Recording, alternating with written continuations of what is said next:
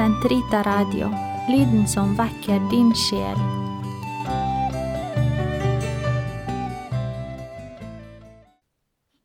Den katolske kirkes katekisme, uke 19, søndag, paragraf 26, 97 2704. Å leve i bønn. Bønn er det nye hjertets liv. Bønnen bør besjele oss hvert eneste øyeblikk, men vi har det med å glemme Ham som er vårt liv og vårt alt. Derfor er det at de åndelige fedre, etter tradisjonen fra Deutronomium og profeti, profetene, fremhever bønnen som å komme Gud i hu, uavlatelig å vekke hjertets hukommelse. Man skal komme Gud i hu oftere enn man trekker pusten. Men man kan ikke be hver tid og stund dersom man ikke setter av visse tider hvor man ber med vilje. Dette er høydepunktene i kristnes bønn, både i inderlighet og i tid. Kirkens tradisjon foreskriver de troende visse bønnerytmer som er ment å nære den daglige bønn. Noen av dem er daglige, morgen- og aftenbønn, før og etter måltidet, tidebønnene. Søndagen, hvor eukaristien er midtpunktet, helligholdes først og fremst ved bønn. Den liturgiske års syklus med sine store fester er pulsslaget i kristnes bønn. Herren leder enhver av de veier og på det vis han selv finner for godt.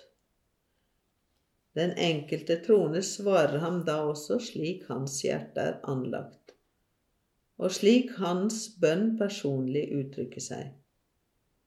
Imidlertid har den kristne tradisjon særlig festet seg ved tre hovedformer hvor bønnelivet kommer til uttrykk.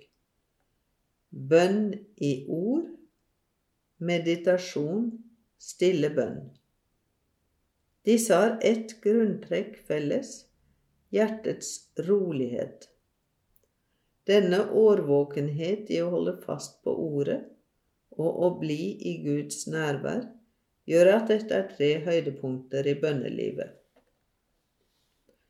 Første artikkel bønnens uttrykksformer bønn i ord. Ved sitt ord taler Gud til mennesket. Vår bønn tar form i ord enten i sinnet eller uttalt. Men det viktigste er at vårt hjerte holder seg nær til Ham som vi taler til i bønnen. Om vår bønn skal bli hørt, avhenger ikke av ordenes mengde, men av sjelens inderlighet. Bønn uttrykt i ord er noe grunnleggende i kristenlivet.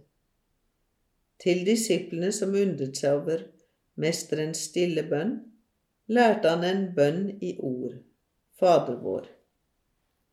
Ikke bare ba Jesus synagogens liturgiske bønner, men evangeliene viser oss ham idet han hever røsten og uttaler sin personlige bønn. Fra jublende velsignelse av Faderen til sorgfullheten i Getsemanehavet. Behovet for å knytte sansene til den indre bønn svarer til noe som vår menneskenatur krever. Vi er kropp og ånd, og vi føler behov for å uttrykke våre følelser utad. Vi må be med hele oss for å gi vår bønn full tyngde. Dette behovet er i overensstemmelse med det Gud krever. Gud søker tilbedere i ånd og sannhet, og dermed også en bønn som stiger levende opp fra sjelens dyp. Han ønsker også ytre uttrykk som knytter kroppen sammen med den indre bønn. For slike uttrykk bringer ham den fullkomne æresbevisning fra alt han har rett til. En folkemengde ber fremfor alt ved hjelp av bønn uttrykt i ord, fordi slik bønn ytres på fullkomment menneskelig vis. Men heller ikke den mest personlige, indre bønn kan se bort fra den bønn som er utformet i ord. Bønnen blir inderligere jo mer vi blir oss bevisst hvem vi taler til. Dermed blir bønn i ord den kontemplative bønns første uttrykksform.